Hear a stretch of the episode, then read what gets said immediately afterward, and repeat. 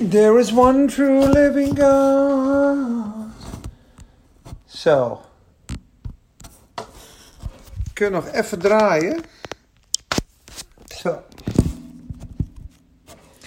Zo, we zijn in de studio. En wat denk je? Wat denk je? Alle lampen zijn weggehaald. Maria Nagel. Goedenavond. Even kijken, jongens.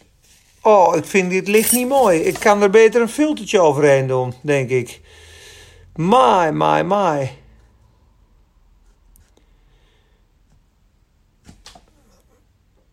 Tjoe. Nou, maakt niet uit. Even kijken, jongens. Ja, dit is goed. Dit is goed. Oké. We beginnen wat eerder vanwege de avondklok. Ik wacht lekker even tot wat mensen online komen. En dat doen we hier ook. Even kijken. Deze aanzetten. Oké. Spraakopname aanzetten. Hey Henk!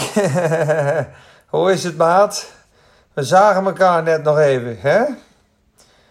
Uh, wat zal ik doen? Zal ik deze gewoon maar. Nou, dan gaan we vandaag uh, interactief face forward. Nou.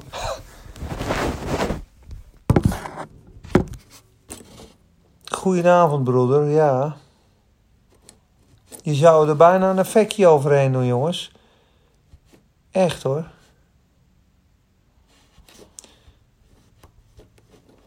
Goedenavond allemaal. Oh ja, nee, dat is niks. Nee, doen we dat maar niet, hè? Doe maar gewoon normaal dan. Perfect, jongens, goedenavond. Hey, ja, ik zie iemand die ik vanmiddag ook zag, hè, bij de visboer. Ja, hartstikke idee.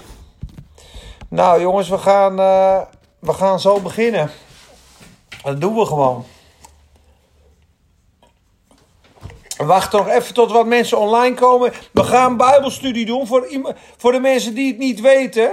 We gaan uh, het evangelie uh, op, woensdag, op donderdagavond doen we dat altijd Bijbelstudie. Sommige mensen zijn nieuw, sommige mensen lezen de Bijbel al.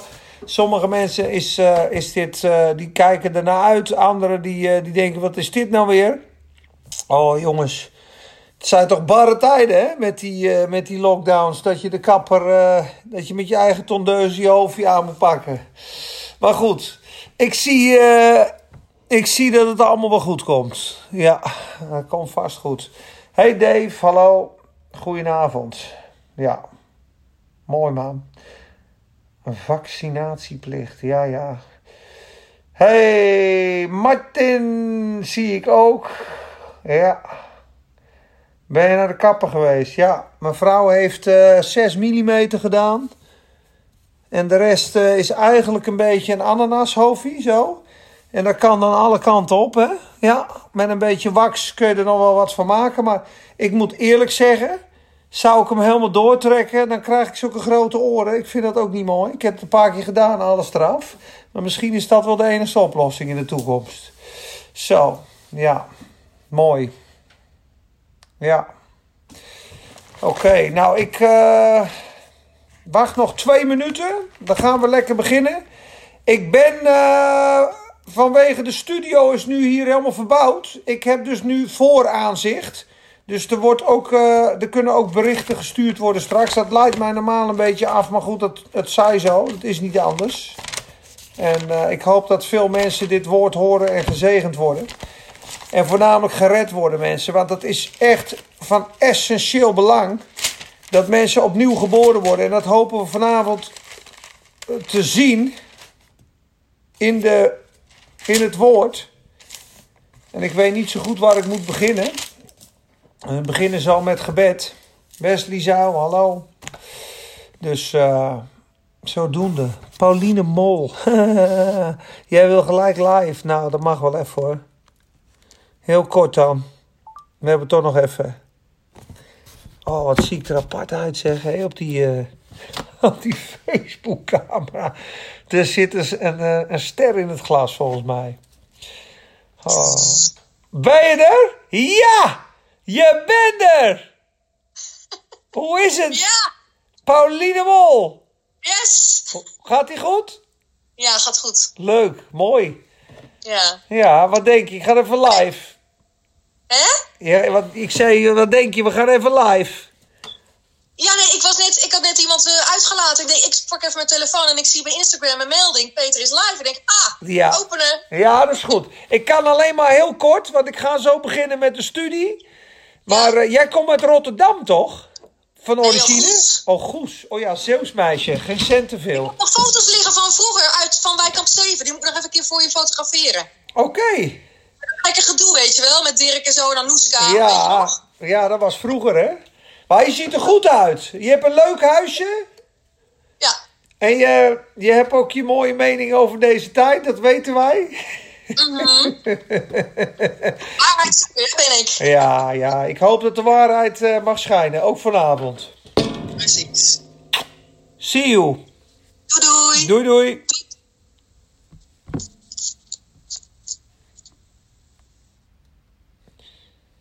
Zo, oké mensen, we gaan beginnen. Eh, we beginnen met gebed en we gaan vragen aan de Heer of hij ons weer zegent.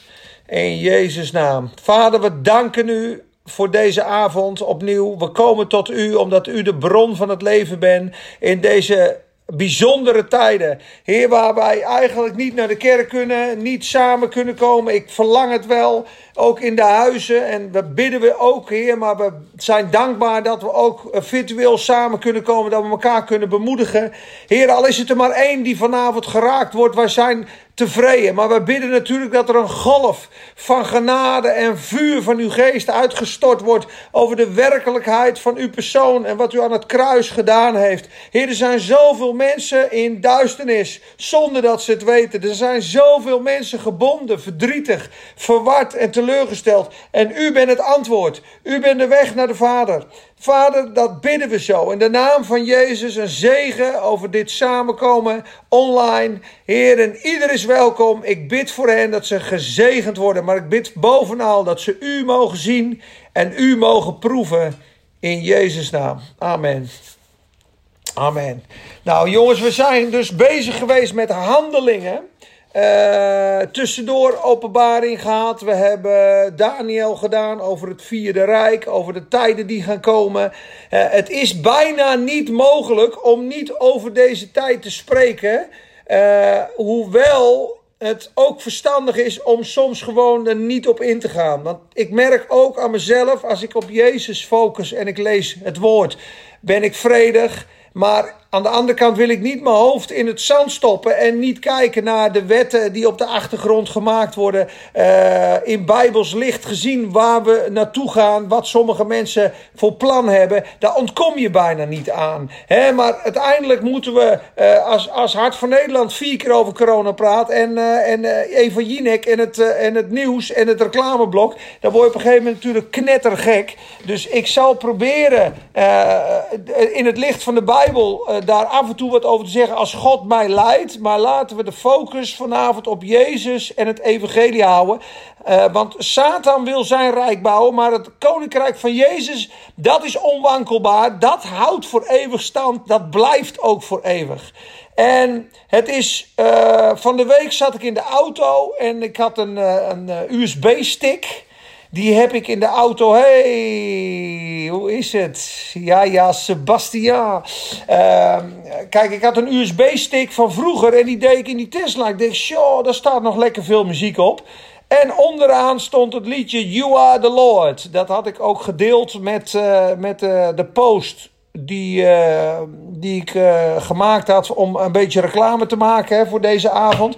You are the Lord, you are the Lord. En dan Every other God is an idol.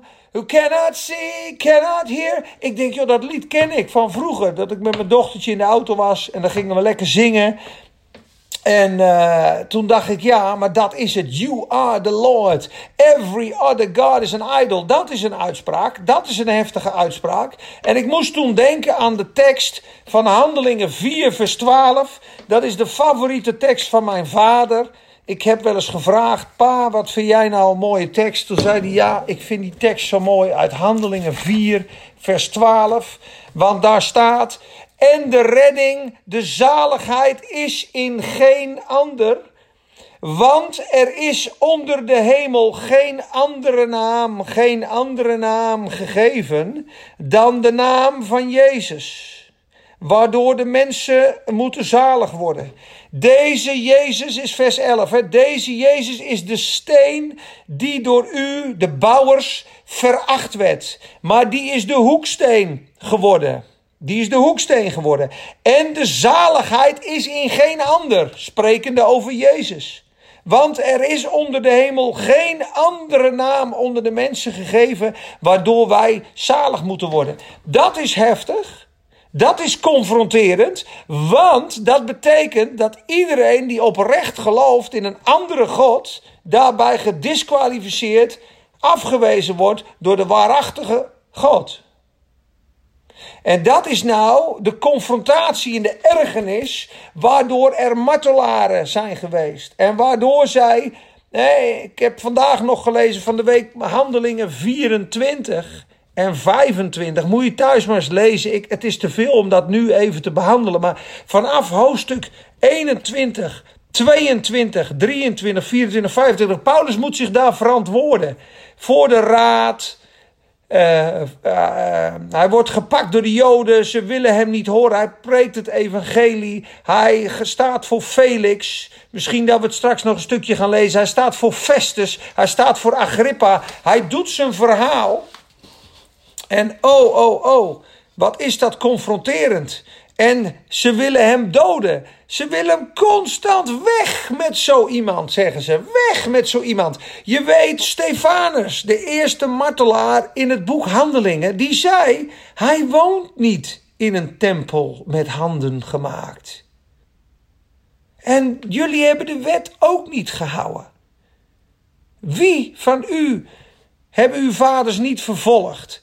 En wat zegt hij daarna? Altijd wederstaat gij lieden de Heilige Geest. En dan gaat hij door en hij zegt het zo confronterend dat ze de vingers in hun oren stoppen en dat ze hem stenigen. Ze gooien hem dood met stenen. Wat een prijs betaalde Stefanus. Ik heb vorige keer gepraat met jullie ook over iemand die gedoopt werd in het buitenland. Hij geloofde in Jezus. Jezus is een weg. dat, dat, dat kan overal. Zelfs in de New World Order. Zelfs in het Babylonische systeem. Jezus is een manier om bij God te komen. Een weg om gered te worden. Nee, hij is de weg. Op het moment dat die jongen die gedoopt werd bij die Arabische stam zich liet dopen in Jezus en zei: Ik sterf aan iedere andere God die er is, maar ik ga gekruisigd worden met die Christus. Ik ga onder water en de Heer Jezus, hey lieverd, mijn vrouw luistert ook. I love you. En uh, uh, uh, toen die boven water kwam vanuit de doop, toen werd hij onthoofd door zijn Arabische vrienden. Die zei: Nu heb je Allah en de islam onteerd. Want jij zegt dat Jezus de enigste weg is en dat hij God is. En dat is absoluut wat dat lied zegt. Dat is wat de Bijbel zegt. Dat is wat Paulus spreekte. En iedere andere God moet wijken voor de naam van Jezus. Niemand komt tot de Vader dan door mij, zei Jezus. Ik ben de weg ik ben de waarheid en ik ben het leven. Niemand anders is voor u gekruisigd. En die confronterende boodschap, dat kostte de mensen hun leven. En ik zat vandaag nog te denken, hoe ver zullen we gaan voor de Heer Jezus? Wat is dat evangelie nou? Wat is de gospel? Wat is, wat is het evangelie? Het heeft zo'n mooie kant. Die genade van God die zijn eigen zoon gegeven heeft, dat hij ons zou redden uit, de, uh, uit deze toekomende wereld. de liefde van Jezus, het bloed van Jezus, dat hij stierf voor ons, dat hij met open armen klaar staat. We kennen het verhaal van de, van de verloren zoon en van de vader die wacht. Maar wat heeft dat evangelie ook een andere kant in handelingen? Dat het confronterend is. En Jezus is dus, Ascender, er is, Jezus is de enigste weg volgens de Bijbel, volgens de Heilige Geest. Deze Jezus is de steen die door u, de bouwers, is veracht. Er is geen zaligheid in een andere naam. Er is onder de hemel geen andere naam gegeven dan de naam van Jezus, door wie wij zalig moeten worden. Deze Jezus is de rechter over levenden en de doden. En dat preekt bijvoorbeeld ook Petrus. Petrus preekt dat zo mooi in Handelingen 10. En Handelingen 10 is een hele mooie blueprint voor een evangelie dat voor het eerst naar de heidenen ging. Het was eerst de zaligheid was voor het volk Israël. En toen weet je, er was een, een hoofdman over honderd, Cornelius, die vaste en bidden en aalmoezen gaf aan de armen. En toch moest Petrus bij hem komen om te preken. En je weet die preek van Petrus. Hè? Petrus opende zijn mond en zei: Ik zie nu in de waarheid dat God ieder. Uh, dat, uh, dat God niemand om de persoon aanneemt. Want in ieder volk is degene die hem vreest, die ontzag voor hem hebt, die God aanbidt en gerechtigheid doet, hem welgevallig. Dit is het woord dat door de Israëlieten werd uitgezonden, waardoor vrede verkondigd is door Jezus Christus. Hij is de Heere van allen.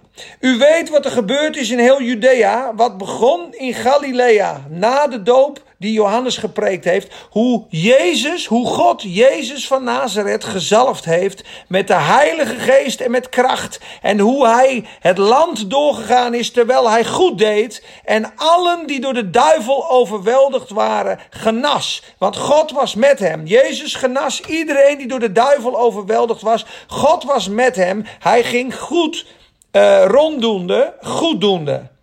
En wij zijn zijn getuigen, zegt Petrus, van alles wat hij gedaan heeft. Zowel in het Joodse land als in Jeruzalem. Zij hebben hem gedood en aan een hout gehangen. Zie je, hier preekt hij het kruis. Deze heeft God opgewekt. Jezus is opgewekt op de derde dag. En hij heeft gegeven dat hij zou verschijnen. Niet aan heel het volk, maar aan de getuigen die door God tevoren verkozen waren. Aan ons namelijk. Dus dat zegt hij ook, die met hem gegeten en gedronken hebben nadat hij opgestaan is. Straks zul je zien in het betoog van Paulus, toen hij voor Agrippa stond, voor de grote koning en machthebbers en stadhouders in die tijd. Hij stond bekend als een oproerkraaier, als een sectelid. Ze hadden hem eruit geworpen, want hij bracht een manifestatie van liefde en kracht die het rijk der duisternis kapot sloeg aan alle kanten.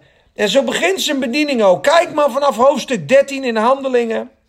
Als ze gebeden en gevast hebben en de Heilige Geest zegt: Zondert mij af, Paulus en Barnabas, voor het werk wat ik voor hun te doen heb. Dan begint die bediening. En ze komen gelijk die man tegen die hun boodschap wederstaat. Je weet het nog wel van vorige keer uit hoofdstuk 13 dat hij zei: Gij kind van de duivel, gij vijand van alle gerechtigheid, zult gij niet stoppen om de rechte wegen van de Heer te verkeren? Zie een mist is op u. En een duisternis viel op die man en hij ging blind verder. En iedereen was ontdaan van die manifestatie van kracht die Paulus bracht. Hij zegt ook in Korinthe: Ik kwam met beven en vrezen in zwakheid. Ik wist niks dan Christus en die gekruisigd. En mijn prediking was niet met mooie, meeslepende woorden van wijsheid, maar in betoon van geest en kracht. Ik laat jullie zien dat God leeft. Dat hij is gestorven om een einde te maken aan de oude schepping.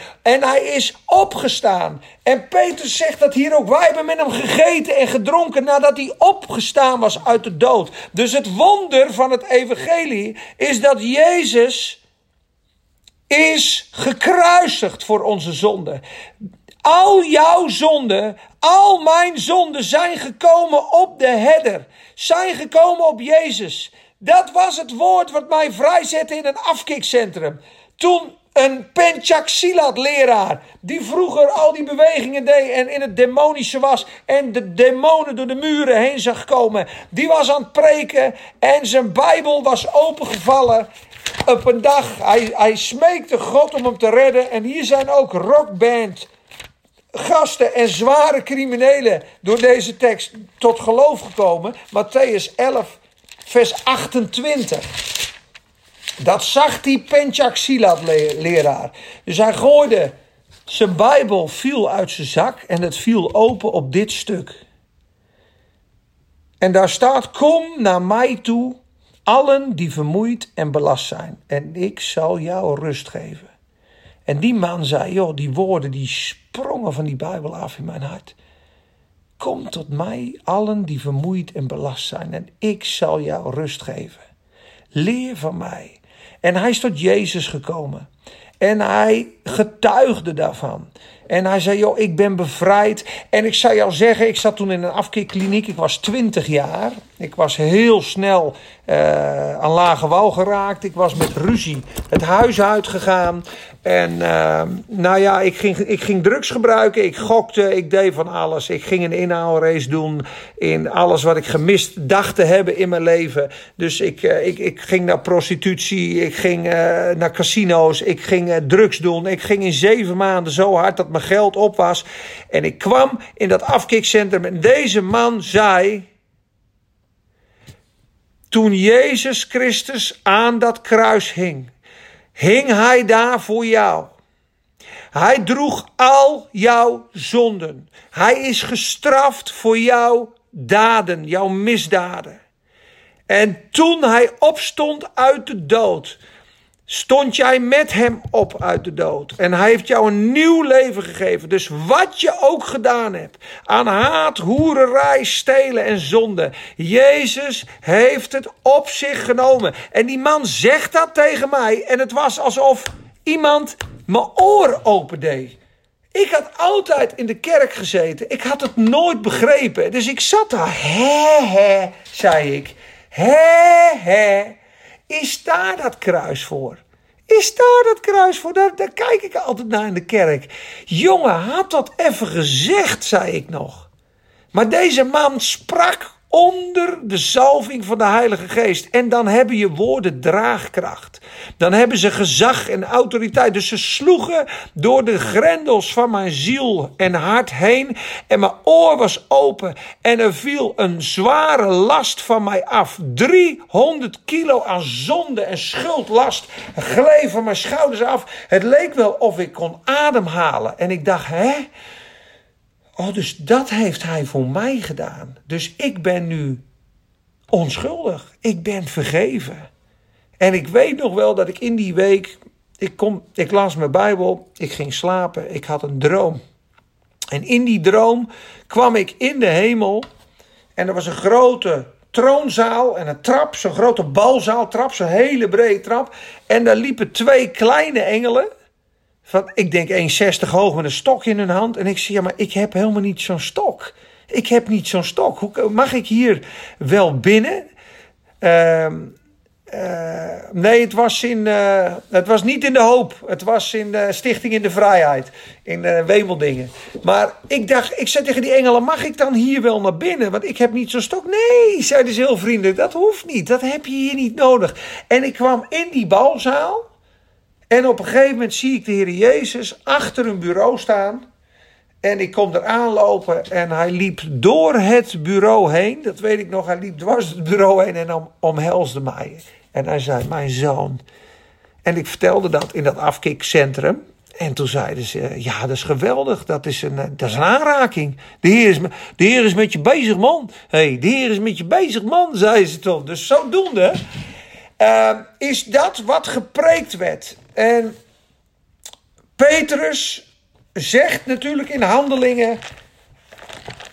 Uh, Jezus is degene die is opgewekt uit de dood. En dat is zo reëel. Ik heb met hem gegeten. En we gaan straks kijken waarom Jezus nou moest komen. En waarom die mens verlost moest worden. En waarom jij verlost moet worden. Iedereen. Of je nou goed bent of slecht bent. Alle mensen hebben gezondigd en schieten tekort aan Gods heerlijkheid, aan Gods rechtvaardige standaard. Dat betekent, wij zijn gevallen in onze natuur door zonde. En dat zal je straks zien. Iedereen gaat zijn eigen weg. Heeft dat egoïstische zelf uh, rechtvaardige over zich. En uh, bij Remco en Evelien, ja, Lau, je weet het. Ja, je weet het, dat klopt. Maar ik ga het eventjes spreken nou. En ik heb uh, helaas geen tijd voor vragen tussendoor, dus dan raak ik een beetje afgeleid. Sorry daarvoor. Neem even een slokje water. Hmm.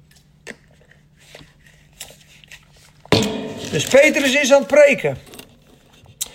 En hoe wij zijn, zijn getuigen, wat Jezus allemaal gedaan heeft in het Joodse land, net als in Jeruzalem. Ze hebben hem gedood door hem aan een hout te hangen. Deze heeft God opgewekt op de derde dag en hij heeft gegeven dat hij zou verschijnen, niet aan heel het volk, maar aan de getuigen die God tevoren verko verkozen waren, aan ons namelijk, die met hem gegeten en gedronken hebben nadat hij uit de doden is opgestaan.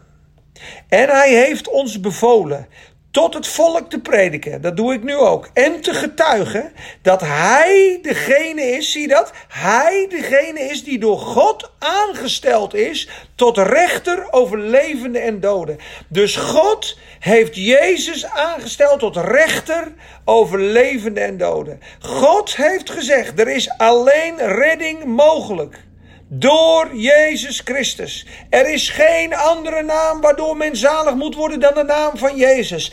Ik ben de weg, de waarheid en het leven. Niemand komt tot de Vader dan door mij. En ieder die de naam van Jezus aanroept, zal gered worden. Dit zijn krachtige teksten, mensen. Dit is confronterend. Want op het moment dat welke politicus of welk mens ook gaat zeggen: Jezus is de enige weg dan disqualificeer en werp je alle andere dingen weg. En dan heb je de aan de stok. Met de Izebels, met de Satans, met de afgoden, met Dagon en Baal en wie dan ook. Want ze vinden het niet erg als Jezus een weg tot redding is. Maar als hij de weg tot redding is, betekent dat alle duisternis moet wijken. En iedereen moet knielen. Elke knie zal buigen voor koning Jezus. Want hij is waardig. Het lam dat geslacht is. Waardig is het lam. Hij heeft zijn heerlijkheid verlaten. Jezus is de zoon van God. Is als God. Was in de heerlijkheid. Is afgedaald uit die heerlijkheid. En is geboren uit de maagd Maria. Is een heilig wonder. En hij is opgegroeid en is gekruisigd en hij leefde en leven hier op aarde.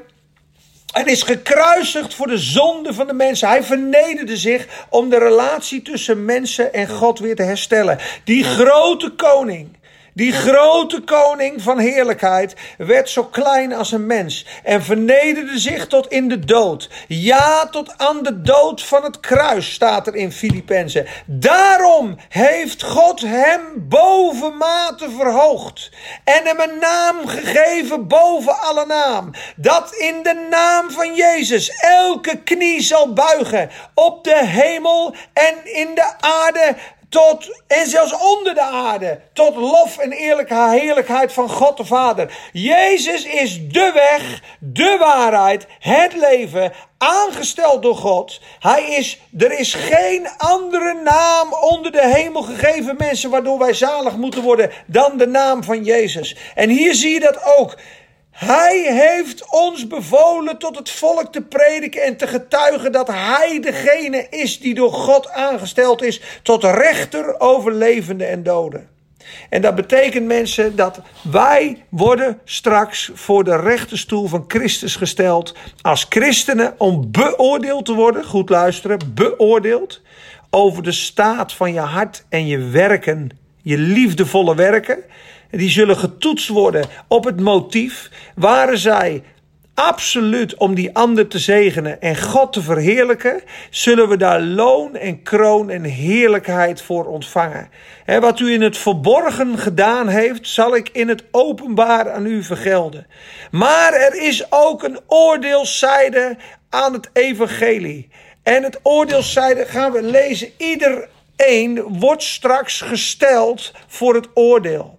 Het is de mensen gezet eenmaal te sterven, zegt de Bijbel, en daarna het oordeel. Dat betekent dat als jij voor de Heer Jezus Christus komt te staan, is er een opstanding van rechtvaardigen en een opstanding van onrechtvaardigen. Alle mensen die reeds gestorven zijn, die in haat en leugen en moord en diefstal en ongeloof en afgoderij gestorven zijn, die worden straks in de dag, de jongste dag, opgewekt en Daniel zegt hiervan: één zal opgewekt worden tot eeuwig leven, de ander tot eeuwige afgrijzing. Dat is een tweesnijdend zwaard. De oude wereld in de tijd van Noach is verdorven door de zondvloed. En slechts acht, dat is weinig zielen, werden gered door het water heen. Waar waren die acht zielen? Die waren door goddelijke vrees en ontzag voor God bewogen om de ark te bouwen, 120 jaren lang. Toen in de dagen van Noach. Toen ze aten en dronken en, en, en zij het niet merkten. Totdat God de deur van de ark sloot. Dat is de waarschuwende kant van het evangelie. Dat bekering en vergeving van zonde gepreekt zou worden in de aarde. Daarom roepen wij u op om overal u te bekeren van de afgoden en de levende God te dienen, zegt Paulus. Hoewel hij niet ver van u is, want wij leven en bewegen en zijn in hem. Dit was wat zij preekten. Maar mensen, als de ark is een beeld van de Heer Jezus Christus, de veilige ark. Als je niet in Christus bent, als je niet uit die wereld in Christus komt, kan je niet bestaan in het oordeel. Er is maar één manier waardoor een mens door het oordeel heen kan gaan. Dat is samen met koning Jezus, gered door het bloed van het lam. Dan is hij jouw advocaat. En in die dag hoor je dan niet, ga weg van mij, vervloekte, in het vuur bereid voor de duivel en zijn engelen. Dan zeg je, Kom, mijn geliefde, neem het koninkrijk uh, uh, in van mijn vader, wat voor u bereid is. Gaat in en tot mijn vrede in de eeuwige heerlijkheid. Dat is wat de Heer Jezus iedereen wil geven, maar daar is bekering voor nodig. Waarom dan, Peter? Ik ben toch niet zo slecht? Ja, ik denk als al onze zonden als. Uh, gaan we toch even over big data praten. Moet je eens nagaan dat al je gesprekken en al je daden 24 uur per dag gemonitord worden door big tech en big data. Hè? Want daar gaan we straks naartoe.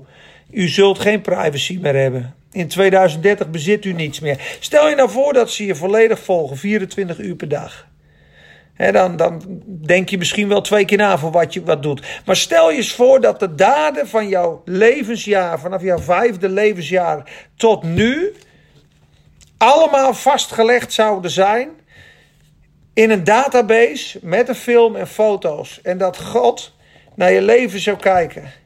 En hij zou dan zeggen, in zijn heilige, rechtvaardige wet en natuur. En je zonde zou bovenkomen. je roddel, je jaloezie, je leugen, je ikgerichtheid. En je zou uiteindelijk al die zonden mee geconfronteerd worden. En er zou dan een straf opvolgen. Dat zou de doodstraf zijn. De Bijbel zegt: de ziel die zondigt moet sterven. Het loon van de zonde is de dood. Dat betekent dat iedereen door die zondeval een vijand van God geworden is en zijn eigen weg gaat. En al onze zonden in die dag als een schat verzameld zouden zijn. Allemaal zijn we schuldig. Peter Duist, wie dan ook. Je hebt mensen belazerd. Je hebt mensen vernederd. Je hebt mensen misbruikt. Je hebt gelogen. Je hebt gestolen. Wij allemaal zijn schuldig. Waarom? Wij hebben Gods wet gebroken. Je zult de Heer uw God lief hebben met uw hele hart, uw hele ziel, heel uw verstand. Je hebt je naaste lief als jezelf. Daar ga je al. Daar ga je al. Snap je? Alle dingen die gedaan zijn, die worden straks in het oordeel gebracht. En dat is de keerzijde van het evangelie. Die prachtige boodschap van heerlijkheid en de overwinning van het graf. Die is er, halleluja. En als je je bekeert, word je vergeven Ben je opnieuw geboren? Ben je kind van God? Heb je alle dingen beërfd? Zul je de eeuwigheid doorbrengen met Jezus? Heb je macht over de zonde? Heb je een nieuw hart? Heb je de zegen, de blijdschap, de liefde, de inwoning van de Heilige Geest? En ben je wie God je gemaakt heeft? En ben je in vrede met de schepper gekomen? Dat is de grootste zegen die je kan ontvangen. Maar mensen, de andere kant is de grootste, grootste vloek die een mens kan hebben. Is dat hij in vijandschap met God sterft. Dat hij in zijn zonde sterft. In zijn haat. In zijn moord. Moet je eens nagaan dat je een wereldleider bent. En dat je echt corrupt bent. Dat je over een lijken gegaan bent. Dat je opdracht gegeven hebt om mensen te laten vermoorden of wegleiden. Om macht. En dat je straks met in het volle licht voor de Heer Jezus staat. En dan jouw werk en jouw daden boven zouden komen. En dat dan in het volle licht zou blijken, moest je kijken. Jij hebt zeven mensen het leven ontnomen. Jij hebt deze hardwerkende man heb jij onder druk gezet. Omdat jij zijn land wou, om zijn goud wou. Of, en hier heb jij gelogen en gemanipuleerd. Deze meid heb jij verkracht. Wist je dat? En daar is het oordeel van God genadeloos. De eeuwige verdoeming, verdoemenis. En dat zijn alle mensen die in vijandschap zijn tegen God. Worden allemaal in het oordeel gebracht. En God wil dat niet. Hij is rechtvaardig. Hij moet oordelen, maar zijn hart gaat uit naar iedere zondaar. En hij wil iedereen omarmen. Maar dat is van noden dat die persoon die hij omarmt erkent dat dat wat krom is, krom is. En dat wat recht is, recht is. Hij moet tot besef en eerlijkheid en oprechtheid komen. De hypocrisie, de leugen en de oude weg moeten afgelegd worden. Als je iets nieuws wil, moet je het vernietigen. We horen het vandaag. Build back better. The Great Reset. Ik moest nog denken van de week, je zal maar op een reset-knop drukken. Van, eh, van eh, ik noem maar wat, van een PlayStation 5. Hij gaat helemaal uit. En dan moet je hem 30 seconden moet je niet uh, bewegen.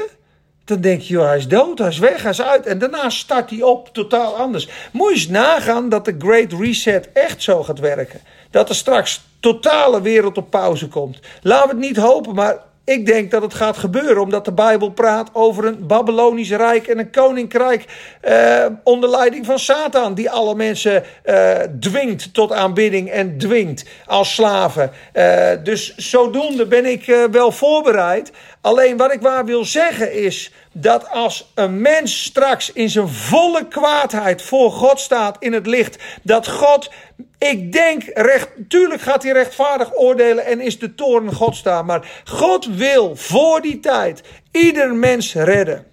Dat zegt de Bijbel. God wil dat niemand verloren gaat, maar dat alle mensen gered worden en tot, komen tot erkentenis van de waarheid.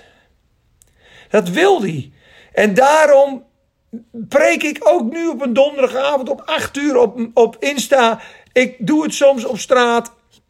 En ik hoop maar één iemand te raken. Want als ik één iemand raak, die is zoals ik was. Misschien ben je verslaafd aan drugs. Misschien ben je verslaafd aan allerlei dingen die je kapot maken. Misschien baal je wel dat je je vriendin belazerd hebt. Of heb je zoveel schade in je jeugd uh, opgelopen dat je verwond bent en dat je vol met bitterheid en haat zit en bij God vandaan zit. Misschien heb je wel leugens over God gehoord en denk je dat hij een politieagent is die jou haat. Maar hij zoekt jou. Al raak ik er maar één vanavond. Al raak ik maar één iemand. Al inspireer ik maar één iemand die vanavond zegt: Heere Jezus, als u diegene bent die de Bijbel zegt dat u bent, dat u voor mij gekomen bent, dat u aan de dood uh, de dood voor mij geproefd hebt. Dat u aan het kruis gehangen hebt voor mij om mij te vinden, mij te winnen. Dat u mijn zonde wil dragen, mijn pijn wil dragen. Laten we het lezen, de, de mooie kant van, van het evangelie in Lucas 4. Waar Jezus voor kwam. Lucas 4 vers 18 is voor jou. Ik hoop dat je geraakt wordt. Ik hoop, jonge vrouw, jonge man, oude man. Weet je, de weg naar vrijheid is in Christus. Hij is de weg naar de Vader, dan kom je thuis. Hij is de waarheid, dan kom je uit de leugen. Hij is het leven. Opdat gij gelovende het leven zou hebben in zijn naam, zegt Johannes 20. Op deze dingen heb ik opgeschreven, zegt Johannes. Ik was een visserman. Hij riep mij. En deze dingen heb ik opgeschreven over Jezus. Opdat wanneer jij leest, jij mag geloven dat dit degene is die door God gezonden was. En dat je door te geloven het leven mag hebben in zijn naam. God wil geven leven en overvloed. Dat zegt Jezus. De dief komt niet om te moorden en te stelen en te verdelgen. Dat is Satan. Dat is hij op dit moment aan het doen. Elke dag moorden, stelen, liegen, verdelgen. Hij gaat rond met leugens en ziekte en, en, complotten. En hij wil mensen kapot maken. Maar Jezus is gekomen om te geven leven en overvloed. Ook voor jou. Kijk maar waar Jezus voor kwam. En hij kwam in Nazareth, Jezus, in de synagoge waar hij opgevoed was. En hij ging naar zijn gewoonte op de dag van de Sabbat naar de synagoge. En hij stond op om te lezen. En aan hem werd het boek van de profeet Jezaja gegeven. En toen hij het boek open gedaan had, vond hij de plaats waar geschreven was. De geest des Heren is op mij. Hij heeft mij gezalfd voor de volgende doel. Hij heeft mij gezonden om aan armen het evangelie te verkondigen. Om te genezen de gebrokenen van hart. Om gevangenen vrijlating te prediken. Remission of sin staat hier in het Grieks. Om de gebondenen, de gevangenen, remission of sins, vergeving van zonde te preken. Vrijlating, loslating. Ik roep het over jou uit. Jij die gebonden bent in zonde. De zondemacht is gebroken in Christus. Hij heeft voor jou de prijs betaald. Hij is gekruisigd in jouw plaats. Hij is gestorven en gestraft in jouw plaats. Er is een exchange. En hij zegt: Kom tot mij. En dan geef ik mijn leven, mijn rechtvaardige leven, mijn goedheid en mijn geest aan jou. Zodat jij in je volle potentie kan komen als dochter en zoon van God. Ik hou van jou. Ik stierf voor jou. Ik bid voor jou. Ik, ik zoek jou dag aan dag, dag aan dag. En ik wil dat je loskomt van je zonde. En waar kwam die nog meer voor? om aan blinden het gezichtsvermogen te geven. Geestelijk blind, lichamelijk blind. Om verslagenen heen te zenden in vrijheid. Verslagenen. Bruised. Them that are bruised. Set at liberty. Them that are bruised. Als je vertrapt bent. Je ziel is vertrapt. Je kan misschien wel misbruikt zijn als kind. Misschien ben je wel geslagen en geschopt en geplaagd. Is je ziel vertrapt.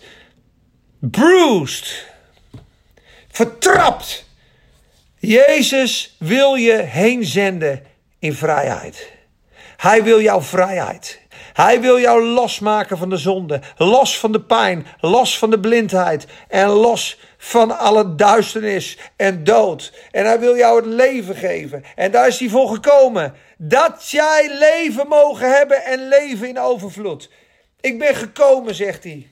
En daar is zo mooi. En hij preekt het welbehagen, het jaar van welbehagen van de Heer, de Heer Jezus. Dat staat voor de zegen. Dus God wil je zegenen. Even terug naar openbaring. Dus dit is de positieve kant van het evangelie. De vergeving, de boodschap, de verlossing, de hoop. is voor iedereen. Maar wat als je het afwijst? Wat als je zegt, ik hoef die Jezus niet. Ik geloof niet in zonde. Ik geloof niet in de Satan. Ik ben een goed mens. Ik heb Jezus niet nodig. Ik red mezelf wel. God zit in jezelf. Hoor je ook zo vaak. Dan ben je deel van de gevallen wereld. In de zondige staat. En de Bijbel zegt. Dan ben je in vijandschap met God. In duisternis. In zonde. Onder het oordeel van God schuldig voor God. Ieder mens staat zonder Christus, zonder bekering schuldig voor God. Wist je dat? Dat wist je niet. En daarom preek ik het evangelie. God je vergeving wil geven. Maar kijk, mensen die volharden in zonde. Mensen die de leugen onderhouden in ongerechtigheid, hè, zegt Romeinen. We gaan zo een eind aan breien. Kan je dat lekker herkauwen? Amen. Romeinen zegt De toren en wraak van God wordt geopenbaard over alle ongerechtigheid en goddeloosheid van de mensen die de waarheid onderhouden in ongerechtigheid. De waarheid onderhouden in ongerechtigheid, dat is corruptie. Dat is leugen. Als jij in de leugen vastzit en jij weet dat je liegt en je weet dat je in duisternis bent en je denkt, joh, ik kom er wel mee weg. Ik stel dat wel uit. Dan komt er een dag dat jouw zonde jou uit zal vinden. Dan komt er een dag dat je in het volle licht geconfronteerd wordt met je daden en je leugens en je moord en je corruptie. Zij houden de waarheid onder in ongerechtigheid. Want dat wat van God kenbaar is, is in hen manifest en openbaar. Namelijk Gods eeuwige kracht en goddelijkheid. Dat is van de schepselen doorzien en verstaan. God heeft het hun namelijk geopenbaard. Daarom zijn zij zonder excuus. Dat zegt de Bijbel. Geen één mens heeft een standpunt van ik wist het niet. Ik heb een excuus, ik wist het niet. Nee, de Bijbel zegt God heeft het aan ieder mens geopenbaard. Namelijk zijn godheid en eeuwige kracht is door de schepselen verstaan en doorzien. Want God heeft het hun geopenbaard. Daarom zijn zij zonder excuus. Dus wat werkelijkheid in hen is, houden ze onder in de leugen. Die mensen worden geoordeeld en worden voor eeuwig geoordeeld. Het is de mensen gezet eenmaal te sterven, daarna het oordeel. Wordt die dag des oordeels voor jou een feestdag? Sta je daar vrijmoedig met een loflied in je hart en zeg je, Heere, ik heb mijn leven aan u gegeven en ik ben uw kind en ik heb gestaan en ik heb uw weg bewandeld en ik had u lief. En is dat een dag van feest? Of is dat een dag Moest kijken wat er gebeurt, jongens. In die dag het laatste oordeel. En ik zag een grote witte troon. En hem die daarop zat, de rechter. Voor zijn aangezicht vluchten de aarde en de hemel weg. Zodat er geen plaats meer voor hen te vinden was. Dus de hele aarde en de hele hemel vlucht weg voor degene die op de troon zat. De rechtvaardige rechter, de grote witte troon, de dag des oordeels, waar de barmhartigheid en de genade niet meer is. Die is nu. Daarom wil God dat je je, je paden recht maakt. Daarom wil God dat je buigt en je zonde aan hem beleidt, zodat hij je kan redden en versterken en wegrukken bij die Satan. Want ik heb jullie al gezegd vanuit het boek Openbaring, er komt een tijd, dan gaat Satan de oogst van de aarde binnen willen halen. Alle mensen die bij God vandaan zijn, wil hij meenemen in zijn val. En hij gaat het op de spits drijven. Ik heb het je gezegd, er komt een tijd van afval in het geloof, waar je voor de keuze gesteld wordt. Kies je voor Jezus, kies je voor de wereld, kies je voor je baan of kies je voor Jezus, kies je voor je vrouw of kies je voor Jezus.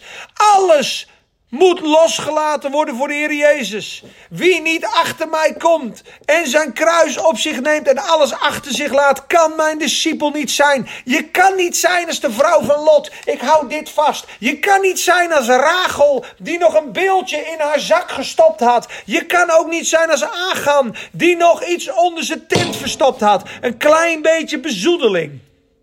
Het kan niet. Het gaat je tackelen.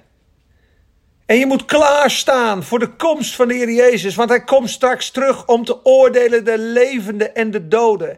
En ik roep je vandaag op. En waar dit woord ook gehoord wordt. Geef je leven aan de Heer Jezus. En doe het resoluut. Doe het resoluut. Want ik ga je straks nog één voorbeeld neem, uh, geven. En dan sluiten we af van iemand die nauwkeurig de weg van God kende. En zelfs Paulus uitnodigde om van het evangelie te horen. Maar toch de keuze niet maakte. Maar toch niet klaar was voor de komst van de Heer Jezus en die niet vergeving van zonde ontving. Dat is heftig. En ik zag de doden, is het laatste oordeel, ik zag de doden groot en klein voor God staan. Kleine mensen, grote mensen. En de boeken werden geopend. En nog een ander boek werd geopend. Namelijk het boek des levens. En de doden werden geoordeeld overeenkomstig wat in de boeken geschreven stond, naar hun werken. Zie dat? Naar hun werken. Ook de zee gaf de doden die in haar waren. Ook de dood en het rijk van de dood gaven de doden die in hen waren. En ze werden over, geoordeeld overeenkomstig zijn werken, wat in de boeken geschreven staat. Mensen, iedereen heeft ongerechtigheid en zonde in die boeken staan. Iedereen is schuldig. Maar dat boek kan helemaal wit gewassen worden door het bloed van de Heer Jezus Christus. Onbeschreven strafblad. En als iemand niet bleek geschreven te staan in het boek des levens, werd hij geworpen in de poel van vuur. En de dood en het rijk van de dood werd in de poel van vuur geworpen. Dit is de tweede dood. Mensen, dit is een eeuwige dood. Dan zal je de vrucht van je zonde en de corruptie van je leugens en je hoererij en je diefstal voor eeuwig ervaren. Het eeuwige verdoemenis noemen ze dat. Dat doet de zonde. De zonde is eigenlijk de personificatie van Satan. En alles wat met zonde te maken heeft, heeft met Satan te maken. En als je los wil van Satan, moet je los van de zonde. En als hij je kan binden, doet hij dat met zonde. Daarom wil hij dat je in haat blijft. Daarom wil hij dat je niet vergeeft. Daarom wil hij dat je in lust en verslaving en gebondenheid blijft. Maar Jezus kan en wil jouw band vandaag losmaken. En zijn kracht heeft dat al gedaan aan het kruis. Op dit moment zegt hij: Kom maar, ik heb het voor jou volbracht. Echt waar, Satan is verslagen. En een ieder die de naam van Jezus aanroept, wordt zalig, wordt gered, wordt opnieuw geboren. En dat is ook voor jou. En als je denkt dat je wegkomt met je leugens en je zonden, mensen, het is verschrikkelijk. Je zal delen in het oordeel en de val van Satan. Satan is voor eeuwig verdoemd. Satan is voor eeuwig verloren. De Bijbel zegt het ook. Dus de hel is gemaakt voor Satan en zijn engelen.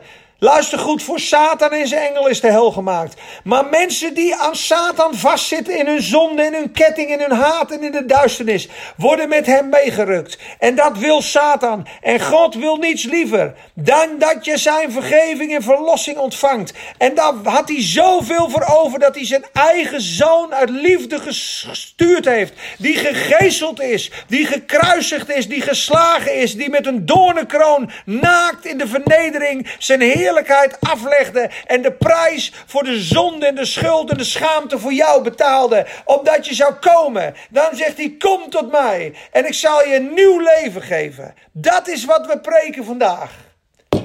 En we sluiten af met Handelingen 24. Dan heb je toch wel een aardige, rijke maaltijd weer gehad, hè? Met die jongen die zoveel praat. Ik neem me heel vaak voor om langzaam te praten en adem te halen. Moet je kijken, jongens. Laatste stukje wat we doen. Het is Handelingen 24. Misschien zoek je het op of zoek je het daarna op. Ik zal ook uh, de spraakopname op Soundcloud zetten. En deze zal, komt op Vimeo. Er is maar één weg en dat is Jezus. Anders kom je niet van de leugens af. Halleluja. Vijf gangen, Peet. Dank je. Nou, dan doen we er nog een toetje bij. Maar moet je eens kijken.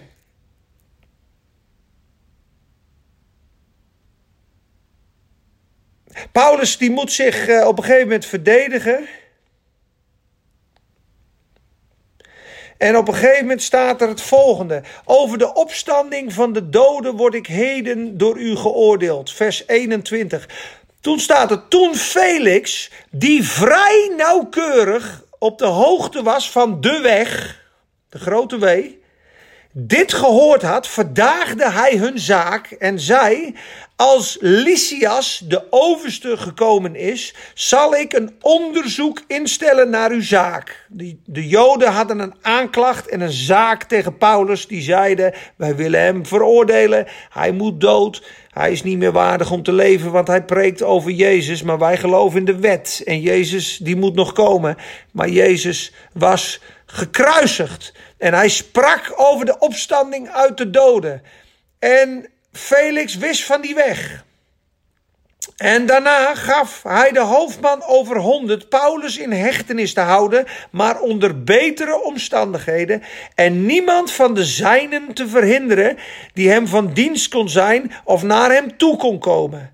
En na enige dagen kwam Felix daar met zijn vrouw Drusilla, die een Jodin was.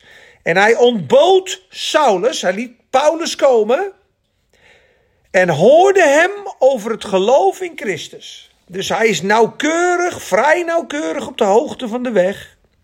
Hij ontbiedt Paulus. Paulus, kom eens even en vertel eens over jouw geloof in Christus. En toen Paulus sprak, de Heer Jezus heeft jou lief en je zonden zijn vergeven. Hier sprak hij in toch een, een best wel pittig woord, ook het evangelie. Toen hij sprak over rechtvaardigheid, zelfbeheersing en het komende oordeel, heb ik net verteld, werd Felix zeer bevreesd. Hij zei: Nu kunt u gaan. Wanneer ik gelegenheid heb, zal ik u weer laten halen. Hij was vrij nauwkeurig bekend met de weg. Hij ontbood Paulus en hoorde over het geloof. Hij werd bevreesd voor dat woord. Hij had ook kunnen vragen, net als die gevangenbewaarder in hoofdstuk 16: Wat moet ik doen om gered te worden? En Paulus zei: Stel uw vertrouwen op de Heer Jezus Christus en u zult gered worden. Gij en uw hele huis. Dat deed hij niet. Hij ontbood hem en hij stelde het uit. Hij zei: Het komt op een later tijdstip nog wel. Tegelijkertijd had hij ook een dubbele agenda. Kijk, hij hoopte ook namelijk dat Paulus hem geld zou geven, losgeld, om losgelaten te worden. Wat Paulus dus niet deed, en hij zat daar twee jaar vast. Daarom ontbood hij hem ook dikwijls en sprak met hem. Hij hoopte dat hij losgeld zou geven. Maar luister, kijk eens. Maar toen het twee jaar verstreken was, kreeg Felix Porcius Festus als opvolger. En Felix, die de Joden een gunst wilde bewijzen, liet Paulus gevangen achter. Dus hij kiest om Paulus in de gevangenis te zetten. Hij weet van de weg. Hij ontbood Paulus, hij hoort het evangelie, hij wordt bevreesd voor het komende oordeel, maar hij stelt het uit. Hij had een keuze moeten maken voor de Heer Jezus Christus. Had een Joodse vrouw, misschien zit je in de kerk, misschien weet je heel veel van de Bijbel. En misschien zeg je wel, joh, ik vind het leuk om een keer naar die Peter Duis te luisteren of naar een andere prediker. Maar nu Peter dit zegt, eh, word ik een beetje bevreesd. En dan heb ik het gevoel van. Uh, andere keer weer, maat. Ik wacht wel tot hij een paar schoppen doet. Dat vind ik leuker. Of. Uh, maar de tijd is gekomen echt om je knieën te buigen voor de Heer Jezus. Ik bid en hoop dat die vraag in je hart reist. Wat moet ik doen om gered te worden? Vertrouw op de Heer Jezus Christus en je zult gered worden. Zeg maar, Heer, ik geef mijn leven aan u. Ik geef mijn zonden aan u. Wees mij zondaar genadig. Haal de ongerechtigheid bij me weg en kom met uw geest in mijn binnenste. Geef mij een nieuw leven. Als u voor mij gestorven bent, dan wil ik u eren. Kom in mijn hart en leven. Red mijn ziel. Red mijn leven. Zegen mij, heren. En ik zal u dienen en ik zal leven. Kies dan heden wie gij dienen wil. Dat zegt de Bijbel. Kies het leven. Mensen, ik zegen je. Ik, ik hoop dat je er wat aan gehad hebt. Blessings. Hoi.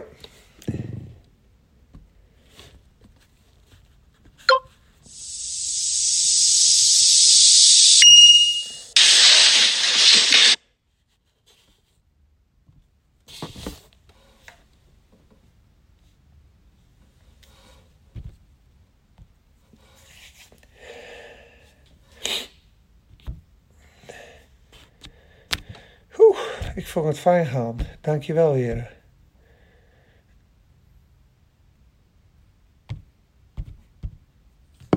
Hoe stop je dit nou?